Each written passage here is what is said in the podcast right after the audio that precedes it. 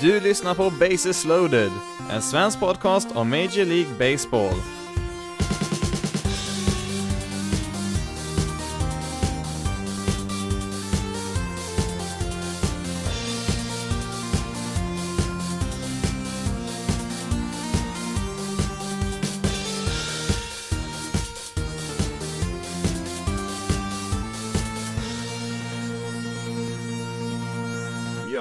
Ju MLB-säsongen 2019 äntligen igång på riktigt. Eh, vi hade ju ett par matcher där i Japan eh, en vecka innan opening day mellan Seattle och Oakland där, som eh, faktiskt räknas som riktiga matcher, men det var ju nu torsdag som hela ligan klev in där och fick spela, så att ja, nu är det skönt att det är igång på riktigt här och vi kommer få se matcher i princip varenda dag fram till eh, sista helgen i september, vilket känns oerhört bra nu. Nu har ju alla lagen spelat eh, två, tre matcher eh, när jag spelar in det här. Jag kan tillägga att jag spelar in här nu på söndag, vilket innebär att om det händer något i söndagsmatcherna så kommer inte det komma, kunna komma med här eftersom att, ja, det har helt enkelt inte hänt än eh, när jag spelar in här. Men eh, ja, jag tänkte inte egentligen gå in så mycket på vad som hänt de här eh, första matcherna heller. Det går inte att dra så mycket slutsatser, eller ja, det går väl inte att dra några slutsatser alls nästan på bara några sådana här få matcher. Men eh, jag tänkte vi kan väl jämt nämna några enstaka saker här. Vi fick ju inleda opening day här med en riktigt vass pitching matchup här. Jacob DeGrom och hans Mets då åkte ju till Washington och tog sig an Max Scherzer där, två stycken Cy Young-vinnare. Och ja, det var ju de två som var etta, tvåa i omröstningen förra året. Och ja, de levde ändå upp till förväntningarna. De hade ju 22 strikeouts där eh, tillsammans då. Och ja, det var ju Scherzer var den enda av de här två som gav upp några runs. Där. Han gav ju upp två runs på, ja, höll ju nästan åtta innings där, så han hade ju en, en eh, väldigt bra match han där också. Fick ju inte så mycket hjälp på sina hitters bara. En eh, pitcher som hade, ja, hade det tyngre, det var ju Chris Sale som Ja, han hade ju lite skadeproblem förra året och det finns väl de som är lite oroliga för att det inte såg så bra ut när han började den här säsongen heller. Eh, han, eh, ja, han var inte alls lika effektiv på slutet av, av förra säsongen när hans eh, hastighet på sin fastball var ju nere från eh, 95 då i snitt till någonstans runt 92 eh, under hösten här. Och det, det fortsatte ju nu, la han också någonstans runt 92 miles per hour någonstans. Men eh, Ja, vi ska väl komma ihåg att eh, det finns ju ingen pitcher i hela MLB som har haft så kort Eh, Eh, vinteruppehåll här. Han var ju bokstavligt talat den sista pitchen som kastade en boll under säsongen 2018 där när de vann en World Series där i oktober. Så att eh, han har ju haft en väldigt lång säsong eh, och haft en del att återhämta sig ifrån. Så att eh, ska vi inte vara för oroliga där. Visst, eh, sju runs på tre innings är väl inte optimalt så, men han fick ju bara två starts där i spring training därför att man ville ta det lite lugnt med honom, så det här är egentligen bara hans tredje start under 2019, så att ja, vi får nog ge det några matcher här innan eh, vi kan eh, dra några slutsatser även på honom där. Eh, värt att notera är väl ändå att eh, de har ju spelat nu, Reds också, tre matcher när jag spelar in det här. Och eh, alla tre starters då inleder med en ERA över 10 som, ja det är väl inte heller optimalt om vi säger så, men eh, ja, det är ju en 159 matcher kvar då, så att eh, vi får väl inte få panik riktigt än där. En prestation som sticker ut lite extra, det är ju då Paul Goldschmidt eh, som i sitt Eh, Eh, Cardinals då, som han nu spelar i, de eh, har ju åkt till Milwaukee där och spelar en väldigt intressant serie så här långt. Eh, eh, I match två där så eh, svarar han ju för inte mindre än tre homeruns där i en och samma match. Ja, han nådde ju bas fem gånger totalt i den här matchen, vilket är exceptionellt bra givetvis. Eh, han hade ju chans på fyra homeruns där, men i nionde inningen där så var ju inte Milwaukee sådär jättepigga på att eh, pitcha till honom, så att man gav ju honom en intentional walk där, så att eh, ja, bra start där på säsongen för Goldschmidt, absolut. Sen hade vi hans eh, motståndare där då i Brewers eh, på andra sidan, Christian Jelic, eh, regerande MVP. Eh, vinnare, han, eh, han har ju också tre homeruns där men inte på samma match utan han har gjort eh, en per match här nu de tre första Eh, matcherna så att eh, ja, han är också igång här redan från match 1 vilket är kul att se. Den underligaste serien så här långt måste ju ändå vara Dodgers och Diamondbacks där. Eh, Dodgers då slog iväg åtta homeruns i sin första match där på opening day, vilket eh, jag tror var ett rekord till och med för opening day-matcher eh, i storvinsten där. Sen så fortsatte man ju match två där då, som höll på i en evighet verkar det som. Det var ju rekord för eh, hur lång tid, ja, det var längsta matchen i Dodger Stadiums historia där. Um, så att eh, man körde ju slut på sina, sina bullpens där ganska rejält redan i match två. Och det visar ju sig, visar ju sig sen lite grann i, i match tre när eh, Ja, Dodgers de, eh, de vann ju den ganska övertygande den också. 18-4 slutade den till slut. Och det var ju så med trött, en trött bullpen och en sån stor ledning så valde man att nej, vi skickar in Russell Martin, vår catcher, som relief pitcher där i nionde inningen och ja, det gjorde han ju väldigt, väldigt bra. Inte en enda hit till, tillät han där och ja, han har ju en ERA på noll helt enkelt så att eh, det var lite kul att se. Det, det är ju inte helt ovanligt i sådana här matcher där ett lag vinner så här stort att, eh, att det kommer in en, eh, en eh, en position player som eh, pitcher, men det är ju i regel, det, då, i regel så är det ju laget som ligger under som brukar göra det här, så att ja, det var lite kul att se det här också. Men med det sagt, jag ska inte gå in så mycket mer i detaljer, det var bara några få punkter av saker som har hänt de här första matcherna. Kommer lägga, vi kommer att lägga lite mer krut på det sen i kommande avsnitt när vi har lite mer att summera här, så att eh, ja, jag tror vi nöjer oss lite grann med eh, opening day och opening weekend där i alla fall.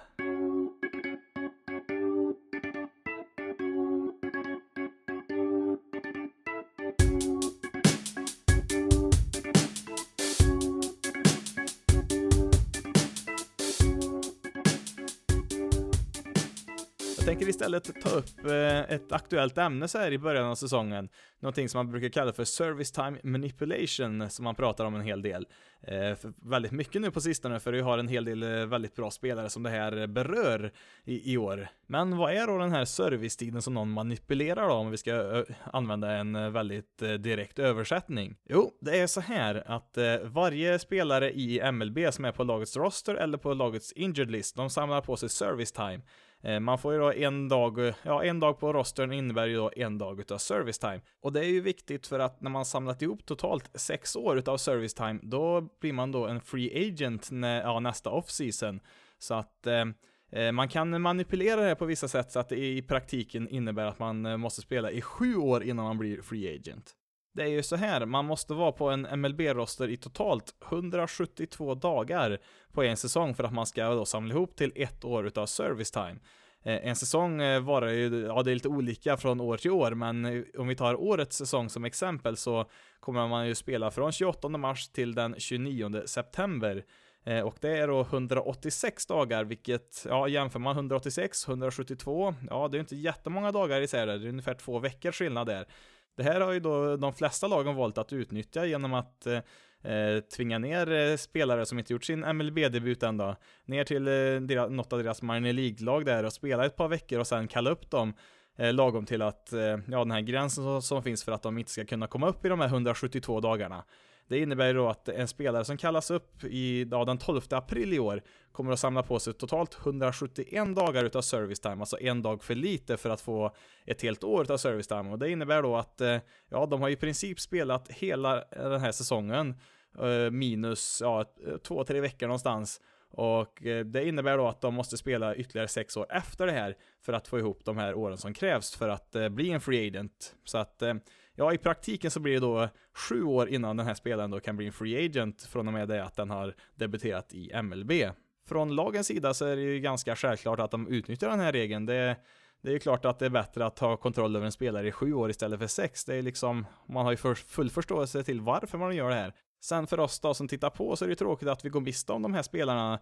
Eh, vi vill ju alltid se de bästa spelarna spela och eh, ja, de här eh, topprankade prospects som vi har, de är ju ja, som vi har sett här nu, de kan ju vara bland ligans bästa spelare redan från år ett. 2015 så såg vi ju Chris Bryant, som de sa, inte var redo för spel i, i MLB och fick hoppa ner i minor leagues där i ett par veckor och sen kom upp och fullständigt dominera. Eh, detsamma kan vi säga, kan vi säga förra året om eh, Ronald Acuna Jr som eh, Ja, han fick också snällt eh, hoppa ner i minor leagues där ett tag och sen när han kallades upp så var han ju en av ligans bästa spelare helt plötsligt. Så att eh, det är lite synd då att vi ska, att vi inte får se de här spelarna direkt, trots att de eh, skulle ta plats i nästan vilket lag som helst. Sen för spelarnas del så är det ju även, eh, ja så det är ju negativt för dem också. De går ju miste om eh, ett år av free agency där. De hinner ju bli ett år äldre tack vare det här extra sjunde året innan de blir free agents. Och ja, det är ju inte svårt att räkna ut. Ju äldre man är, desto mindre pengar får man ju som free agent. Och ja, dessutom så skjuts ju även den här äh, gränsen fram för äh, när man får komma in i arbitration där. Man får ju tjäna minimilön där de första tre åren innan man får komma till arbitration som man kan förhandla upp sin lön lite grann där. Så att det, det skjuts ju också fram när de äh, då väljer att manipulera deras service time då som de kallar det för. Vi har tre väldigt intressanta exempel på det här i år och passande nog så är det ju faktiskt de tre högst rankade prospects som vi har just nu i MLB som, de, som det berör. På i princip varenda lista över bästa prospects så hittar vi ju Vladimir Guerrero Jr. som eh, hör hemma i Toronto Blue Jays. Eh, han kommer ju inte att få börja säsongen i Blue Jays MLB-lag där, utan han får nog vänta då eh, några veckor innan, han, innan vi får se honom. Men eh, ja, han är ju han är ju hur redo som helst. Han hade ju en betting average på över 400 i AA förra året. Gick väl ner till 386 tror jag den, han fick eh, spela lite i AAA också, men eh, alltså han är ju så redo som man kan bli. Han är en Eh, en extremt bra hitter redan nu. Han, eh, han är inte en bra försvarare och det kommer han aldrig att bli heller. Han eh, spelar ju på tredje bas just nu, eh, men eh, han kommer inte att vara kvar där. Han, eh, han är en väldigt stor spelare redan nu och eh, ja, han är ju bara 20 år så han kommer ju bara bli större och få det svårare att spela försvarsspelare. Så att det här är ju liksom en eh, solklar framtida första basman eller designated hitter. Det är liksom det, han ska inte vara någon annanstans. Så att man kan ju då Visst, man kan väl säga att han behöver jobba på sitt försvarsspel, men det är liksom, han kommer ju aldrig vara känd för sitt försvarsspel, det är inte det han ska göra. Det är just den här ursäkten som de flesta lagen brukar använda när de skickar ner spelare som, eh, eh som är helt klart eh, eh, bra nog för att spela i MLB, men som de då vill kontrollera ett extra år. Eh, då brukar man ju då säga att, ja, nej, den här spelaren behöver jobba på sitt försvarsspel lite mer innan den är redo för MLB, vilket givetvis ingen tror på, för att helt plötsligt på två, tre veckor så har de ju då eh, enligt laget förbättra sig tillräckligt mycket för att de nu ska få plats i, i lagets, på lagets MLB-roster då. Men från lagets sida då, så de måste säga det här. De får inte gå ut och säga rätt ut och erkänna att eh, ja, nej, vi gör det här för att vi vill eh, behålla den här spelaren ett extra år.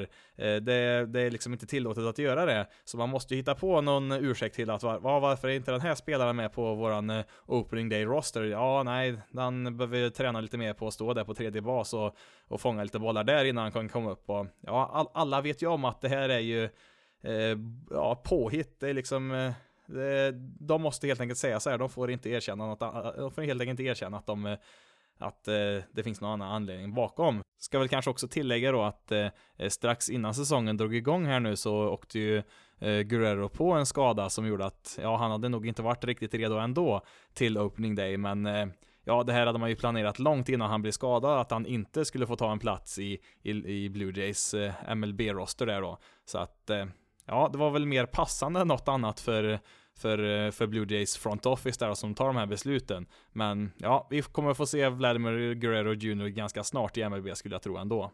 Nummer två på listan över bästa prospects i MLB, där hittar vi då Fernando Tatis Jr, shortstop i ett San Diego Padres som har fått väldigt mycket roliga rubriker här nu under försäsongen. Först var det då den här jätte kontraktet man gav till Machado. Och nu då så har man ju också valt att eh, inkludera just Tatis på deras opening day roster, vilket då innebär att eh, istället för att skicka ner honom så får han vara med från match 1 och ja, då får, han, får man ju bara, bara, ja, bara, bara ha kontroll över honom i sex år istället för de här sju åren som vi har pratat om tidigare. Rent krasst sett så är väl det här inte ett speciellt eh, smart beslut utav Padres som då eh, ger upp ett år av kontroll på Tatis här, men eh, nej, det ska vi inte haka upp oss så mycket på här. Vi ska ju ändå ge beröm till ett lag som faktiskt väljer att eh, spela sina bästa spelare och eh, man eh, valde dessutom att eh, göra detsamma med Chris Paddock, en, eh, en pitcher där som har spelat riktigt bra för de här under spring training nu som eh, Ja, det var nog inte så många som trodde att han heller skulle få chansen, eh, i alla fall inte från början i Padres rotation, men eh, ja, han har ju som sagt spelat väldigt, väldigt bra här nu, dels i, i minor leagues då förra året och i spring training nu och ja, deras rotation är ju inte alls bra, så det finns ju gott om platser att ta här. Ehm, och ja, Perek fick ju då en, en, plats där, så det är kul att se att de faktiskt eh, väljer satsa på inte bara en, utan två spelare som de egentligen kunde ha hållit nere ett par veckor här nu i en säsong där de ja, förmodligen inte eh, kommer att vara med uppe i slutspelsracet och slåss, men eh, Ja, det, det, är kul att se att eh, lag går mot strömmen här nu och faktiskt eh, ställer upp med bästa möjliga lag som de kan. Kan även eh, flika in med att eh, New York Mets eh, valde att placera Pete Alonso, en första basman på sin opening där i roster. Lite samma sak där, han har ju inte heller spelat i MLB förut, men ja, han har också varit redo ganska länge för att spela i MLB. Han hade, han hade ju mest homeruns av alla minor League-spelare förra året. Och för ett lag som Mets då, som spelar i en så pass tuff division där varenda vinst kommer att räknas, så är väl ändå ett smart drag att eh, ta upp en sån här bra spel som, spelare som kan eh, hjälpa från, eh, från dag ett här och kanske ta någon extra vinst som kommer vara väldigt viktig sen i september där när vi summerar tabellerna. Så att ja, tummen upp till både Padres och Mets får vi väl ändå säga. Namn nummer tre på listan, det är ju Eloy Jimenez som hör hemma i, i Chicago White Sox och ehm, ja, han skulle ju också egentligen inleda säsongen i minor leagues där. Han skickades ju ner till deras minor League spring training-läger eh, där. Men eh, sen kom det ut att han eh, skriver skrev på ett kontrakt då innan han ens spelat en enda match i MLB. Och det kontraktet är då på sex år, garanterat då, 43 miljoner dollar får han under de åren. Eh, sen finns det även två klubboptioner för eh, år 7 och 8 där med. För White Sox del då så har man ju då låst upp honom här i åtta år då istället för de här sju som man skulle kunna ha kontroll över honom utan att skriva kontraktet. Så att, eh, ja, det låter ju långt med ett åttaårskontrakt, men om vi då tänker på de här reglerna som finns kring service time och att man kan Eh, använda spelaren i, i praktiken i sju år, så eh, innebär ju då ett potentiellt åttaårskontrakt bara en förlängning med ett enda år. Hade Eloy inte skrivit på det här kontraktet så hade han ju skickats ner till minor leagues där och fått spela till någon gång i mitten eller slutet av april innan, innan han hade fått komma upp på eh, lagets Major League-roster där. Och därmed så hade han ju inte kunnat bli free agent förrän som sju år ändå. Som sagt så finns det ju då en hel del olika sätt att hantera det här med service time. De flesta lagen i nuläget väljer ju att göra så som eh, Toronto Blue Jays gör med Vladimir Guerrero Jr. Eh, nämligen att eh, skicka ner dem till eh, minor leagues ett par veckor och sen kalla upp dem för att då få det här extra året av kontroll. Eh, det mest ovanliga är ju ändå då det som San Diego Padres har gjort med Fernando Tatis Jr och eh, Chris Parek, att man helt enkelt struntar i att utnyttja det här eh, extra året och kallar upp dem direkt till deras roster på opening day. Något som jag tror kommer bli vanligare i framtiden, det är ju då det som Chicago White Sox nu har gjort med Eloy Jimenez är att alltså skriva på ett kontrakt innan de ens har spelat i MLB. Eh, det gör ju då att man eh, tar bort deras incitament för att eh, utnyttja deras service time där eftersom man då redan har kontrakt över alla de här åren och vet exakt hur mycket han kommer tjäna. Så ja, jag skulle nog kunna tro att det blir mer vanligt i framtiden. Sen så är det ju så här att ehm, det har ju varit en himla massa skriverier med all rätt då givetvis om att lagen utnyttjar de här reglerna och eh, det kommer ju med största sannolikhet att ändras eh, eh, deras kollektivavtal som spelarna har med, med ligan går ju ut efter säsongen 2021 så att eh, i samband med det så kommer nog eh, de här reglerna ändras på något sätt. Det finns väl nog till och med chans att det ändras innan kollektivavtalet tar slut där, för det är ju så, man, man vill ju ha de bästa spelarna i ligan, det vill ju även ägarna. Det är klart att de vill ha en bättre produkt att visa upp för publiken. Men från eh, lagens sida så kan man ju ändå förstå varför man gör så här. Regeln ser ju ut som den gör, det är ju en dålig regel.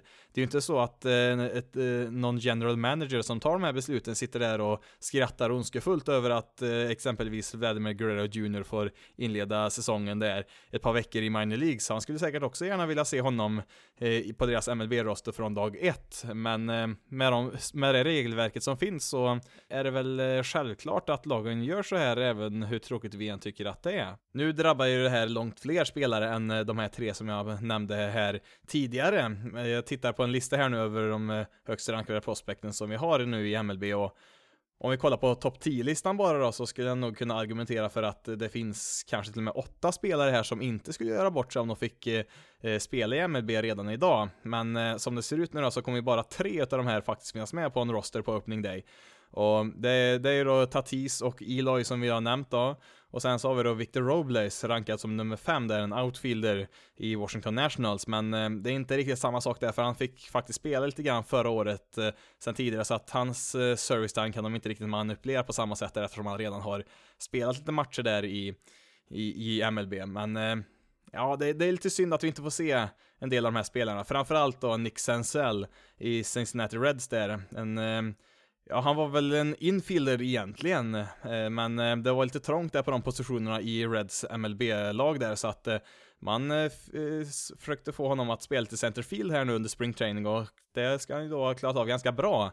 Men ja, då valde man istället att, ja nej det var inte tillräckligt bra tyckte man att, nej vi skickar ner honom i minor leagues där ändå. ett litet tag så att de får det här extra året av kontroll ändå. Som om inte det var nog där för Sensell, nästan omedelbart när han skickades ner där till spring training för deras minor leaguers där, så um, åkte han ju på en eh, rätt rejäl eh, Eh, stukning av foten där som gör att han kommer missa, ja, flera veckor här nu i början av säsongen ändå. Så för Senzels del så har väl de här senaste två veckorna inte varit sådär jätteroliga kan vi ju säga. Men det är så här det ser ut i dagens MLB med de här reglerna som finns. Eh, vi får väl helt enkelt hoppas på att man kan eh, komma fram till en ändring här inom en snar framtid som gör att man istället eh, lagen incitament att eh, plocka upp de här spelarna så fort de faktiskt är redo för spel i MLB. Ett av förslagen som har kommit fram är ju att man tar bort det här med sex år service time för att bli free agent och istället då ha en, eh, en förutbestämt eh, antal år som kommer att gälla från och med den dagen eh, en draftad spelare då skriver på ett kontrakt med, eh, med, en MLB, med ett MLB-lag. I ett sånt system så skulle det ju istället bli mer gynnsamt för lagen att faktiskt plocka upp de här unga spelarna så fort de är redo för spel i MLB.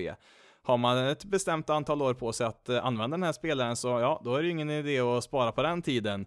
En spelare som tar lång tid på sig att utvecklas kanske bara hinner med ett eller två år i, i MLB när han blir free agent. Eh, samtidigt som en spelare som utvecklas mycket snabbare kanske hinner med att spela 6-7 år innan han blir free agent då i vilket fall som helst så måste vi ju få någon förändring på det här. Vi vill ju se de bästa spelarna hela tiden och tyvärr så får vi ju inte se det med dagens system.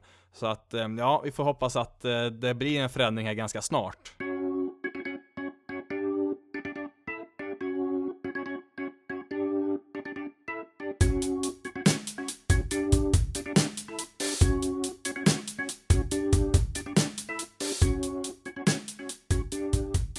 Tänkte jag att vi skulle kolla lite grann vilka matcher man kan kolla på den här veckan. Eh, ja, man kan givetvis kolla varenda match om man så vill, men eh, jag tänkte att vi ska fokusera på de här matcherna som startar på rätt okej okay tid för oss här i Sverige. Alltså de matcher som startar innan midnatt svensk tid. Och eh, här i början av säsongen så är det ju ganska bra, för då startar ju väldigt många matcher ganska tidigt.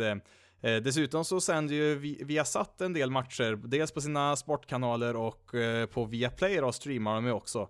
Men eh, när jag kollade igenom tablån där så blev jag lite besviken faktiskt, för det finns 41 matcher från måndag till söndag den här veckan som, eh, som spelas då innan midnatt svensk tid. Och på något sätt så har de ju då, då lyckats pricka in bara två av de här matcherna som de kommer att sända eh, i direktsändning då. Det är lite eftersändningar också som kommer att sändas på dagtid, men vill man se MLB direktsänt på Viasat den här veckan så får man ju sitta uppe ganska sent eh, de flesta dagarna i alla fall. De två matcherna man faktiskt sänder då på Viasat som sänds på bra tid, de är ju nu redan på måndag den 1 april som det här avsnittet släpps på och då spelar ju St. Louis Cardinals mot Pittsburgh Pirates eh, eh, klockan sju och eh, vid klockan tio då så spelar Chicago White Sox mot Cleveland Indians. Alternativet är ju då att eh, använda MLB TV som är, ja det är väl det bästa alternativet om man ska se på mycket matcher. Det går ju på någon tusenlapp per år där, men det, det är fortfarande mycket billigare än vad om man jämför med vad NFL, NBA och NHL, vad det kostar per år för deras motsvarande tjänster då. Och jag tycker nog ändå att MLB TV är väl den bästa utav de här eh, fyra stora sportligorna där i USA. De har väl den bästa streamingtjänsten det tycker jag, men Sen om man inte ser på så mycket matcher, då är det ju klart att då är det väl inte värt att slänga ut de pengarna på det, men eh, ska man se en hel del MLB, då är det ju MLB TV som är det givna valet. Sen så finns det ju faktiskt ett till alternativ här, och det är, det är också MLB TV, för de sänder varje dag en match gratis. Och då räcker det med att man har ett gratiskonto på mlb.com så kan man kolla på ja, en match per dag då, som man har valt ut att sända gratis. Som tur är för oss här i Sverige då så väljer man väldigt ofta ut de här tidiga matcherna som eh, ja, de sänds ju klockan ett på dagen i USA som eh, de inte förväntar sig kanske få så här jättemycket tittarsiffror. Så att eh, det funkar ju väldigt bra för oss här i Sverige som får dem på en bra kvällstid där då istället de här matcherna. Nu spelas det tyvärr inga tidiga matcher alls på tisdag, men eh, jag vill ändå ge tips där om en match som kanske kan vara värd att se i efterhand där. Det är ju nämligen så att Phillies och Bryce Harper åker ju till Washington och ska spela det för första gången ska ju Harper då åka tillbaka och spela mot sitt gamla lag och det kan ju vara intressant att se hur, ja, dels hur publiken reagerar och om man kan prestera där i sin första match tillbaka så att, eh, ja, den kan vara absolut av värde att ha lite koll på även om man ser den i efterhand. Onsdagen då, den 3 april, då har vi en gratismatch där som eh, sänds på MLB TV och det är Twins mot Royals där, kvart över sju startar den eh, svensk tid där. Annars så har vi även eh, Milwaukee Brewers mot Cincinnati Reds där vid halv sju som kan bli, kan ändå vara rätt intressant att se om eh, Reds nu kan hota de här topplagen i NL Central. Eh, sen så har vi då, fortsätter ju då Phillies och Nationals där, match två eh, vid sjutiden. Eh, sen samtidigt så spelar ju White Sox mot Indians och Rockies mot eh, Tampa Bay Rays där. Eh, hoppar vi vidare sen närmare 10-tiden så har vi ju Diamondbacks mot Padres, Tigers mot Yankees och eh, Orioles mot Blue Jays. Torsdagen sen då, den 4 april, då har vi, ska vi se, en, två, tre, fyra, fem, sex matcher där. Eh, de två första där vid sjutiden, Royals mot Tigers och Nationals mot Mets ser vi där. Hoppar vi vidare sen till eh, klockan åtta så har vi då gratismatchen på MLB TV som är Mariners mot White Sox där. Eh, och det kan vara intressant att se framförallt de här eh, lagen som hör hemma på västkusten som Mariners då gör. För att eh, de lagen på grund av tidszoner då spelar ju väldigt få matcher tyvärr på de här bra tiderna för oss här i Sverige. Så att man får ju passa på då när de är på östkusten här, eller ja, närmare östkusten i alla fall och spelar de här lite tidigare matcherna. Annars fortsätter kvällen sen med Yankees mot Orioles eh, vid nio tiden där och en halvtimme senare kan man se Red Sox mot Oakland och eh, avslutningsvis då har man då Padres mot Cardinals där kvart över tio som kan vara lite intressant ändå. Cardinals har ju ett intressant lag i år och det kan vara kul att se om Padres kanske är lite bättre i år än vad man kanske kan tro. Fredag då, den 5 april, då har vi två matcher där. Los Angeles Dodgers mot Colorado Rockies där klockan 10. Och sen vid halv elva där så har vi Tampa Bay Rays mot San Francisco Giants. Eh, tyvärr då ingen, ingen av de här matcherna gratis då, men eh, ja, då finns det som alternativ. Dodgers, Dodgers Rockies är ju ett ganska intressant möte där. Det är ju de två som förmodligen då kommer göra upp om titeln i National League West. På lördagen så kan man då se Nationals mot Mets eh, klockan sju där. Det är deras gratismatch den här dagen, så att det, det är ett riktigt bra möte man får se där. samma tid där vid sju så kan man även se Royals mot Tigers.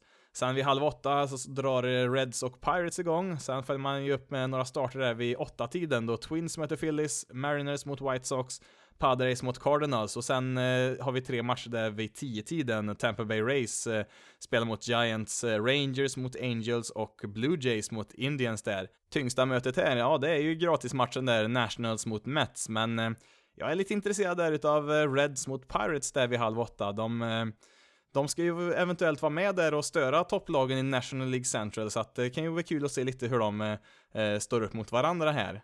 Avslutningsvis har vi då söndagen då, den 7 april där. Jag tänker inte rada upp alla de matcherna där, det är liksom 14 matcher det rör sig om. Eh, det är ju så att på söndagar spelas ju bara en match där riktigt sent, där Sunday Night Baseball som eh, den här veckan då spelas mellan Dodgers och Rockies.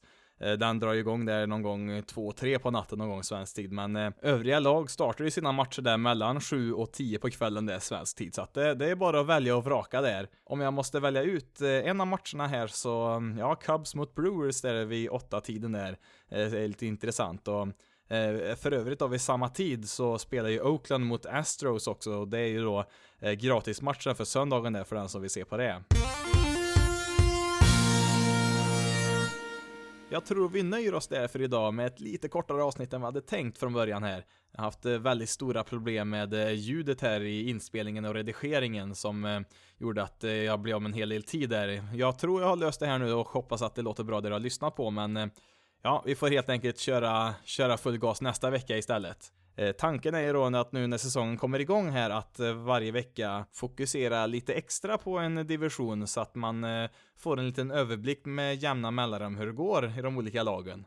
Självklart så kommer jag ju ta upp de här stora nyheterna som händer i alla lag vecka till vecka oavsett om det är deras division eller inte som ligger i fokus för just det avsnittet. Jag vill ju försöka få med alla lag på något hörn här i alla fall. Vissa lag kommer ju säkert vara mer aktuella än andra, men jag tycker ändå, jag vill ändå få med Eh, även de här lagen som kanske inte har så stora framgångar i år, så att man har i alla fall en eh, liten koll på vad som händer i de övriga lagen i ligan. Om du vill följa Basis Loaded på sociala medier så kan du söka upp Basis Loaded SE på Twitter, Instagram och Facebook. Vill du mejla in någonting så kan du mejla till basisloadedse gmail.com. Du kan även besöka basisloaded.se där det publiceras diverse artiklar med lite jämna mellanrum. Eh, även de här tv-tiderna som jag pratar om här kan du också finna där. Men eh, nu har jag pratat tillräckligt här för idag. Förhoppningsvis kan jag få ut ett lite mer rejälare avsnitt här till nästa vecka. Dessutom så kommer det spelas en hel del mer matcher till nästa avsnitt där så att det kommer finnas lite mer att prata om där också. Så ni får ha det så bra så hörs vi i nästa veckas avsnitt.